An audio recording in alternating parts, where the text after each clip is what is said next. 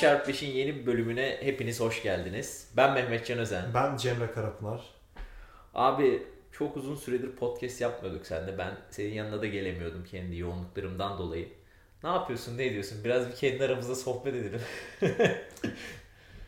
Edelim. Ne, ne yapıyoruz? Zaten biz podcast'te zaten e, bitirdiğimizde de bir Covid-19 olayı vardı. Evet. Şimdi hala var.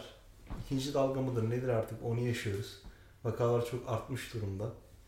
E, camlar sıkkın. Bütün kafeler, restoranlar kapandı. Acaba diyorum e, geçen sezonu kapatırken durum öyleydi. Şimdi bu sezonu kapatırken durum nasıl olacak?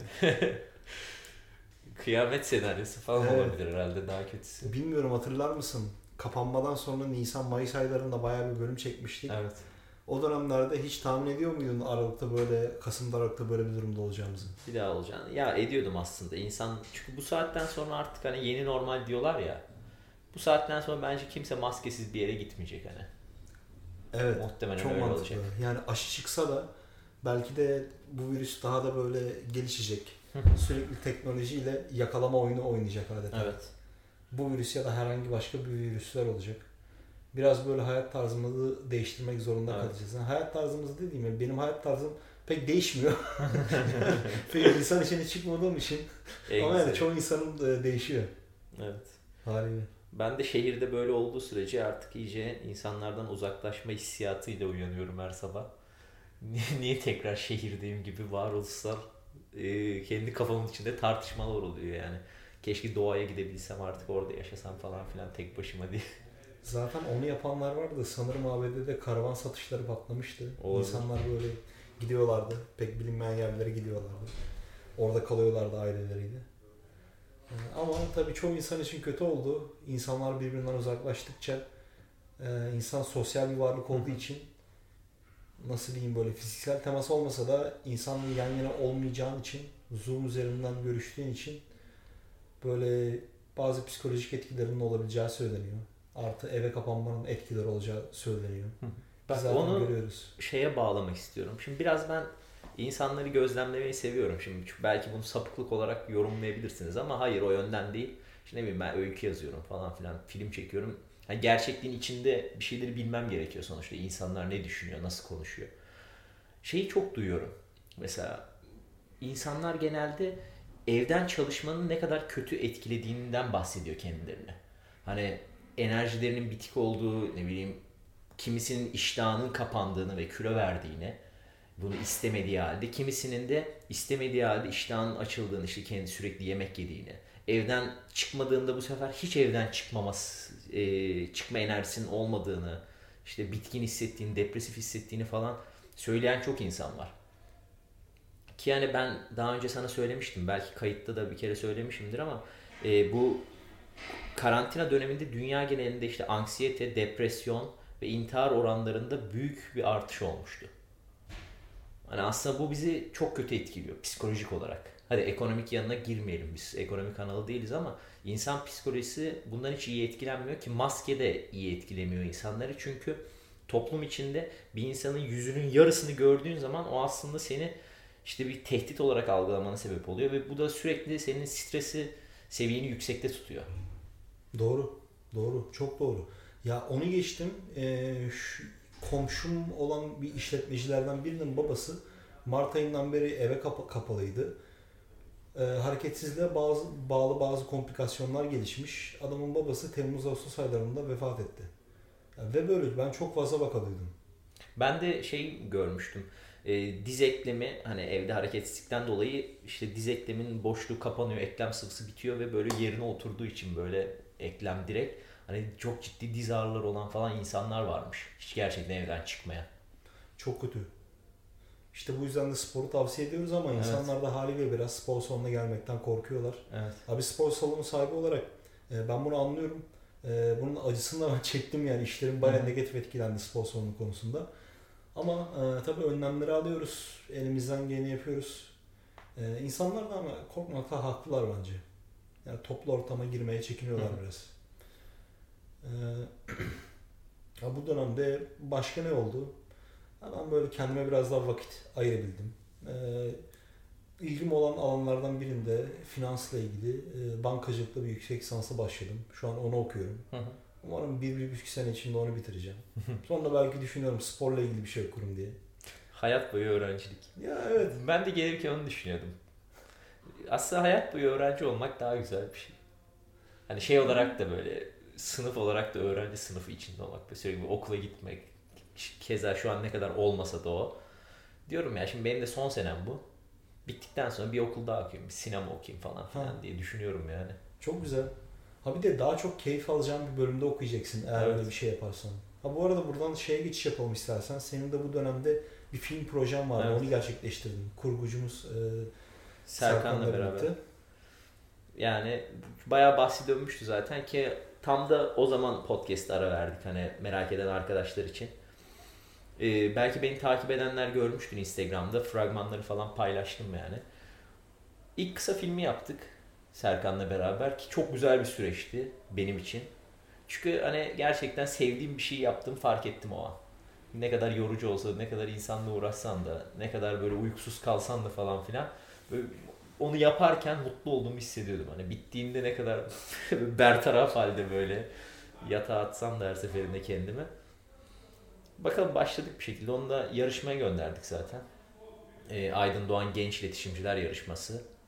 Bakalım sonucunu bekliyoruz onu da. Önümüzdeki ay açıklanacak Aralık'ta. Umarım olumlu sonuçlanacak. Umarım. Olmazsa da durmak yok yani. Mentalitemiz o. Film Evet. yapmaya devam. Ha böyle şeyler çok büyük tecrübe oluşturuyor insana. Evet. Özellikle ilgi alan ilgi alanın konusunda yaptığında. Ha mesela sen bana şeyi söylemiştin. Sette hiç sıkılmamışsın. Çok hoşuna gitmiş. Hı hı. Tabii aksilikler her zaman olur. Bütün işlerde olur. Fakat o ortamda bulunmaktan çok keyif almışsın. Bu çok olumlu bir şey. Evet. Ya belki şu an insanlar biraz şey de düşünebilir hani filmi siz yapıyorsunuz ve tabii kaymağını yiyorsunuz falan gibi. Ama ben ışığı kapatmak için böyle tutup reflektör falan tutmuş yani film çekilirken aynı anda. Falan böyle o kadar çok iş yapıyordum ki hani insanları bir araya getiriyordum. İşte ışıkçılık yapıyordum bir nevi böyle falan böyle saçma sapan işler. Kamerayı elime alıyordum. Yani bir sürü aksiyon sahnesi vardı zaten. Koşu sahnelerinin çoğunu ben çektim gibi bir şey. Özellikle şu Maslak'ta yaptığımız çekimde yani koşu sahnelerinde hep ben çektim falan filan böyle. evet o Maslak sahnesindeki eksikleri de sana söylemiştim bu sokakta. Evet. Ee, Vali abimiz var o yok. Ama e, sokağımızın köpeği güzel bir rol oynamış orada. Evet. O hoşuma gitti. Ama yani e, çok büyük yokluklarla çektiniz bunu. Evet yani böyle başlanıyor. Evet. Böyle oluyor. Umarım daha sonra daha büyük kaynaklara sahip olursunuz. Umarım. Daha güzel, daha çok hoşunuza giden şeyler çekebilirsiniz. diyorum. Evet. Onun haricinde abi antrenman durumları nasıl ondan biraz da konuşalım. Antrenman rutin gidiyor aslında. Yine öyle zevk için çalışıyorum. Ee, ufak tefek arada sakatlıklar oluyor. Yine her zamanki gibi. Yine nereni sakatladın beni Ya, evet. Evet. Yani o da o da şeyden oluyor. Ee, muscle up çalışmaya karar verdim biraz. Zaten yapıyordum eskiden de böyle biraz kamyoncu tekniğiyle yapıyordum. Çok kötü yapıyordum. Biraz daha böyle güzel estetik, daha hoş görünen bir teknikle yapmaya çalışıyordum. Ee, biraz fazla yüklendim vücuduma. Bir anda çok fazla yüklendim. Neredeyse haftada 4 gün 5 gün falan bir anda çalışmaya başladım sıfırdan. Ee, günde böyle 5 tane 10 tane yapıyordum. Yorulana kadar. Ondan sonra bir gün e, bir, teknik bir hatam oldu e, ve sanırım trisepsimde fazla yük bindi ve trisepsin uzun başında ufak bir yırtık oldu. E, ya da ben öyle tahmin ediyorum. E, onu şu an iyileştirmeye çalışıyorum. Geçti gibi. Onun dışında bir sıkıntı yok. Yine aynı şekilde kürekler, squatlar, hafif halter hareketleri, hafif jimnastik hareketleri. Öyle zevk için çalışıyorum. Senin durumlar nasıl? Ben de sana laf ederek şey yaptım sanki çok iyiymişim gibi. Ben de belimi sakatlamıştım. Şu an o da geçiyor gibi. Benim de bir, bir ay falan yok. Bir buçuk ayı geçti herhalde belimi sakatlayalı. Ee, sakatlamamın sebebi de böyle kendi hem iş hayatındaki yoğunluk hem gelip burada antrenmanları aynı yoğunlukta götürmeye çalışmam. Bakalım ne zaman akıllanacağız falan diye düşünüyorum. Her bölüm bir yerimizi sakatlıyoruz. Ama bu tür durumlarda şunu görüyoruz. Bir anda vücudumuza zaten hali hazırda bulunan streslerin üstüne ekstra daha yüksek bir stres ekleyince ve bir anda ekleyince vücudumuz fazla yorulabiliyor. Evet. Senin de örneğin çok fazla ayakta durmaya başlamıştın. Ee, baristalığa başlamıştın. Evet. O yüzden fazla ayakta duruyordun. Bunun etkisi olmuştur diye tahmin ediyorum. İşte adapte olacak zamanı vermediğinde vücuda vücut kesiyor yani bütün şeyini. Evet. ilişkisini. diyor tamam kardeşim sen anlamıyorsun işten diyor. Ben kontrolü ele alıyorum diyor. Evet. Çoğu çoğu durumda öyle. Onun haricinde umarım siz de iyisinizdir. Yani neler yaptınız, antrenmanlar nasıl gidiyor, işte bizim bölümlerimizden bir şey öğrendiniz veya işte uygulamaya geçirdiğiniz oldu mu falan lütfen bize yazın. Ee, bugünkü konumuz omuz. Bugün omuz günü. Bodyci. Oo omuz günü. Bugün omuz günü. Ee, abi sen omuzun anatomisinden e, bahsederek mi başlayacaksın? Aa, olabilir. Daha doğrusu çok böyle omuz kasının biraz büyütülmesi tabii büyüyünce biraz kuvvetleniyor. Onun üzerinde biraz daha durmaya karar verin dedik. Ee, ve böyle basit bir şekilde anlatmak istedim. Çok iyi. Evet yani omuzun ne kısımları var? Hani şu an dışarıdan baktığımız kısımları söylüyorum. Ön kısmını görüyoruz, yan kısmını görüyoruz, arka kısmını gör- görüyoruz. E, rotator cuff kaslarını yani o omuzun e, sabitleyen, sabit durmasını sağlayan kaslara, kaslara çok fazla değinmeden e, bir şeyler söyleyelim dedim. E, omuzun görevleri var. Bu farklı başların farklı görevleri var. İstiyorsan direkt ondan başlayalım. Direkt başlayalım. Mesela omuzun ön kısmının görevi ne oluyor? Omuzu bükme görevi yapıyor. Ya da kolu yukarı doğru bükme görevi yapıyor. Nasıl oluyor? Kolumuzu ayakta duralım. Kolumuzu yukarı doğru kaldıralım dirseğimizi sabit tutarak ya da kırabiliriz de fark etmez. Bu görevi yapıyor omuzumuzun ön kısmı. Ve ne yapıyor? Omuzu yatay yakınlaştırma hareketi yapıyor. Yani kollarımızı arkaya doğru aldığımızda ayakta dururken öne doğru getirince yine omzumuzun ön kısmı ağırlıklı olarak çalışıyor. Omzumuz ön kısmı bu görevleri yapıyor. Birkaç tane çalışma buldum bununla ilgili. Bazı yüzdeler vermiş. Tabii bu yüzdeler e, çok tartışmalı olduğunu düşünüyorum ben. Ama yine de bir fikir veriyor hangi egzersiz ne kadar çalıştırıyor diye. O çalışmada dumbbell front raise'i kullanmış. Yani omzumuzu bir dumbbell alıyoruz elimize ve yukarı doğru kaldırıyoruz Hı. ayakta dururken. E, bu bu egzersizin %70'iyle hmm, one rep max'ın hareket yaptırmışlar.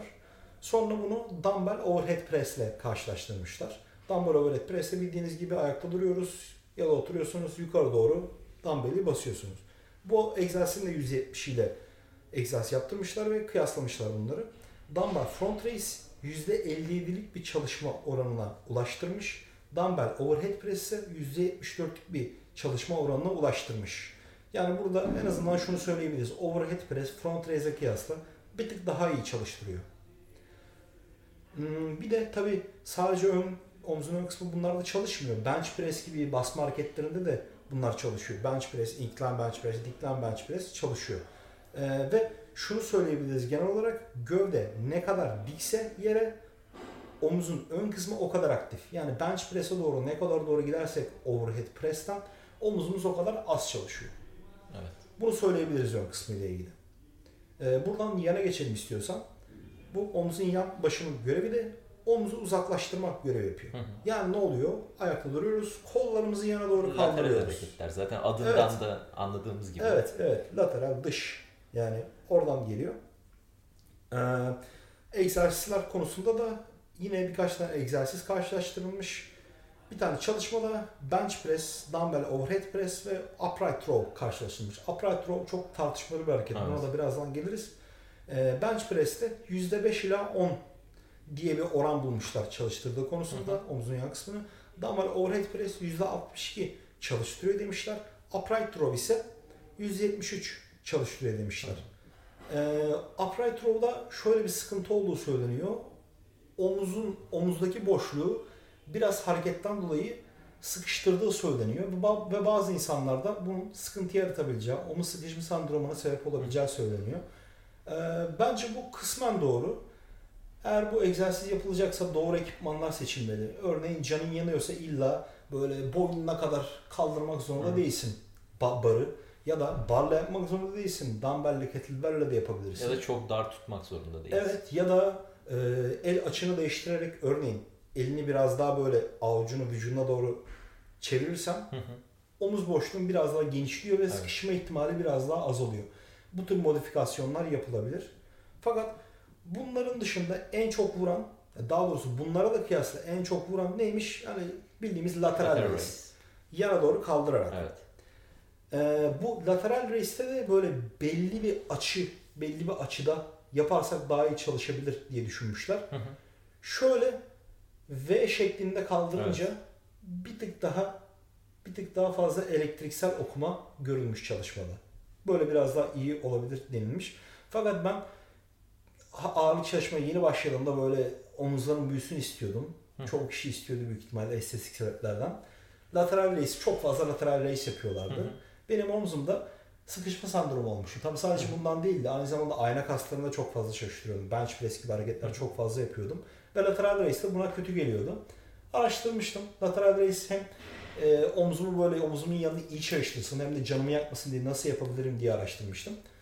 Omzumu dışarı çevirerek yani avucum kendi vücuduma bakıyorsa bu avucumu biraz daha böyle ileri doğru çevirerek Hı. yani bu böylece omzum biraz daha dışarı dönüyor. Böyle olunca omuzdaki boşluk biraz daha artıyor ve canım daha az yanıyordu. Böyle bir şey araştırmıştım bulmuştum ve böyle yapmıştım. Hı. Eğer omzunuzda bir sıkıntı varsa bu hareketi bir deneyin. İlla omzunuzun yanını böyle izole etmek istiyorsanız. Ben böyle illa yeni başlayan biri için hiç izole hareketleri çok fazla önermiyorum zaten. Benim Evet. görüşümü biliyorsunuzdur. Ama böyle yapılabilir. Ee, row varyasyonlarında da bu çalışıyor aslında. Omzun yan kısmı. Chin-up'ta da çalışıyor mu? Çalışır. Çok fazla olmasa da büyük ihtimalle biraz okuma görebiliriz oralarda. Evet. Ee, row varyasyonlarında en çok aktif olan kollar ee, kollar 45 derece civarında böyle açık. Hı hı. Incline row. Yani nasıl oluyor? Ee, aslında bir video falan koysak daha iyi olur ama. Ama podcast. ya şöyle şöyle diyelim. Şöyle diyelim. Kollar gövdeye %45 derece açıklıkta. Hı hı. Incline row yaparsak yani biraz daha yükseltili bir e, bench'te göğsümüzü oraya dayıyoruz ve çekiyoruz. Evet. En çok bunda okuma görmüşler. Hani bak şöyle belki desek biraz daha anlaşılabilir. Incline bench'e böyle ters oturmak. Çok güzel evet. Çok teşekkür ederim. Çok umarım anlaşılmıştır. Onu çünkü ben de old school bodybuilding çalışırken sanki ben de bodybuilder'mışım gibi anlatıyorum. Onu- Onu yapıyordum. Ama çok güzel ama. Bence gayet iyi oldu. Sonra bir de arkaya gelelim istersen omzun arka kısmı. Ee, ne yapıyor bu omzun arka kısmı? Omzu yatay uzaklaştırıyor. Yani dümdüz yatıyoruz bir bench'e yüzüstü yatıyoruz. Hı hı. ve kolları önden arkaya doğru da- daha doğrusu şöyle önümüze kollar arkaya doğru getirmede çalışıyor. Hı hı. Omuzun arka kısmında böyle görevleri görevi var. Yani en ana görevi bu Ki diyebiliriz. en zor da sanırım geliştirmede insanların problem çektiği omuzun üçüncü başı, arka başı. Ya ben onu biraz tartışmalı buluyorum. Bence insanlar oraya çok fazla efor sarf etmediği Değil için mi? böyle düşünüyorlar. Bent over lateral raise Ha tarzı bir hareket. evet. Hatta hatta yani şu an EMG okumasında yani elektriksel okumalarda en yüksek o çalışma e, Evet. o, o egzersiz çalışmalarda sonuç vermiş. En çok o çalıştırmış. Ya da raise hani dirseklerimizi daha böyle kırarak öyle yapabiliriz. Ya da böyle row gibi daha çok böyle skapulalarımızı yani neydi o kürek kemiğiydi değil mi skapula? Evet. Skapulayı sıkıştırarak da yapıp row şeklinde de yapabiliriz. Biraz daha bileşik bir harekete dönüştürüyor bu hareketi. Hı hı. Böyle de yapabiliriz. Ee, ama ben omuza genel olarak daha çok temel hareketlere yönelilmesini tavsiye ediyorum. Ne olur? Overhead press olabilir. Push press'ler olabilir. Ya Belki push push biraz press daha şey olsun. çok ideal değil, Değil. bence de. Yani çünkü bacaklarımızdan epey kuvvet alıyoruz. Ama yani o da bir opsiyon tabii ki. Kullanılabilir. Ki ben onu yapıyorum. Şey bayağıdır yapmıyorum yani. Hı. Ki halter yaptığım için tabii ki. Ee, push press yapıyorum ama hani olabildiğince ağır yapıyorum ve tükenmeye yakın gidiyorum zaten. Takip ettiğim şey bu kadar. Lineer bir şekilde artıyor o da. Evet. Ki omuzlarım da büyüyor. Yani güzel, güzel. Abi de buradan şeye değinsek mi bilmiyorum. Overhead press'in halter etkisi. Yani muhtemelen çok az. Çok az. Eski usuldekiler çok fazla çalıştırıyormuş overhead press'i. Daha doğrusu press falan press. da vardı tabii. Tabii strict press 72 olimpiyatlarından önce halter sporunda zaten varmış. Tabii bundan böyle mümkün olunca fazla ağırlık kaldırabilmek için e, bent press gibi bir harekete döndürüyormuş insanları. Evet. Bayağı değişik yani. Evet, e, bunu yapıyorlarmış. Fotoğraflarına bakabilirsiniz yani inanılmaz bir esneklik ve kuvvet Evet. birleşimi. Eskiden müs- müsabaka, müsabakalarda bir hareketmiş bu. Bunun yarışmaları da çok yapılırmış ama sonra kaldırılmış ve bu eskisi kadar e, ilgi görmemeye başlamış. Hani ne yapılır halter daha çok katkısı olsun diye. Senin yaptığın push press egzersizinin bence çok daha fazla katkısı vardır. Halter kuvveti için Evet. bence. Ki yani ben de push press'teki amacım omuz kuvveti. Bir ikincisi biraz da şey hoşuma giden bir hareket. Strict press'ten daha çok hoşuma gidiyor yapması. Çünkü strict press'te bir kere böyle takıldın mı hani hep orada kalıyorsun ya. O biraz benim için düşürücü bir şey. Hani geliyorum bir yere kadar ama oradan artmıyor falan. Çünkü artması da zor aslında.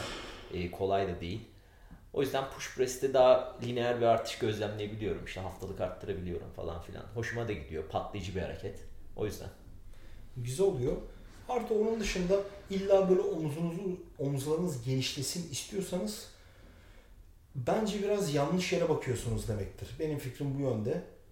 Bence biraz daha omuzunuzun geniş görünmesi için biraz daha sırtınızdaki kasları yani latissimus dorsi yani kanatları Evet. biraz daha çalış, çalıştırsanız bence biraz daha omuzlar geniş duruyor. Benim fikrim bu yönde. Çünkü omuzdaki kasların çok aşırı büyük kaslar olmadığını düşünüyorum ben. Yani onlar tabii de böyle rötuş olarak görülebilir omuz hareketleri. Ve e, şeye çok dikkat edilmesini istiyorum.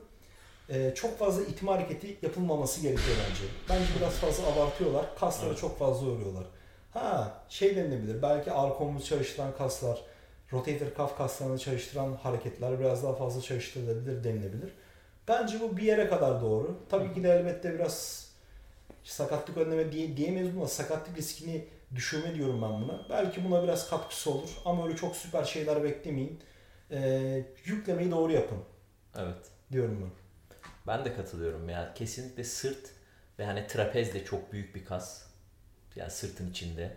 Boyundan başlayıp bele kadar zaten iniyor. Yani ikisi hacimli gösteren şey. Omuzların nasıl olursa olsun yani. Evet. Zaten çok büyük omuzlar elde etmek de biraz aslında bir bodybuilder'ın hani arayacağı bir şey. Yarışmacının arayacağı bir şey. Evet yani bir de tabii şunu da söylemek lazım. Hani omuzların çok büyü- büyümesi için e, dışarıdan performans daha doğrusu fiziği geliştirici maddeler almanız gerekiyor. Niye onlar alınca omuzlar daha fazla geliş, gelişiyor? Çünkü görüyoruz ki orada androjen reseptörleri yani o maddelerin çalıştığı reseptörler alıcılar biraz daha yoğun. Trapezlerde ve omuz başlarında biraz daha fazla yoğun. O yüzden bu maddeler kullanılmayacaksa ki ben kullanılmamasını tavsiye ediyorum. Öyle çok büyük değişimler görmeyi beklemeyin. Evet. Yani biraz gerçekçi olun.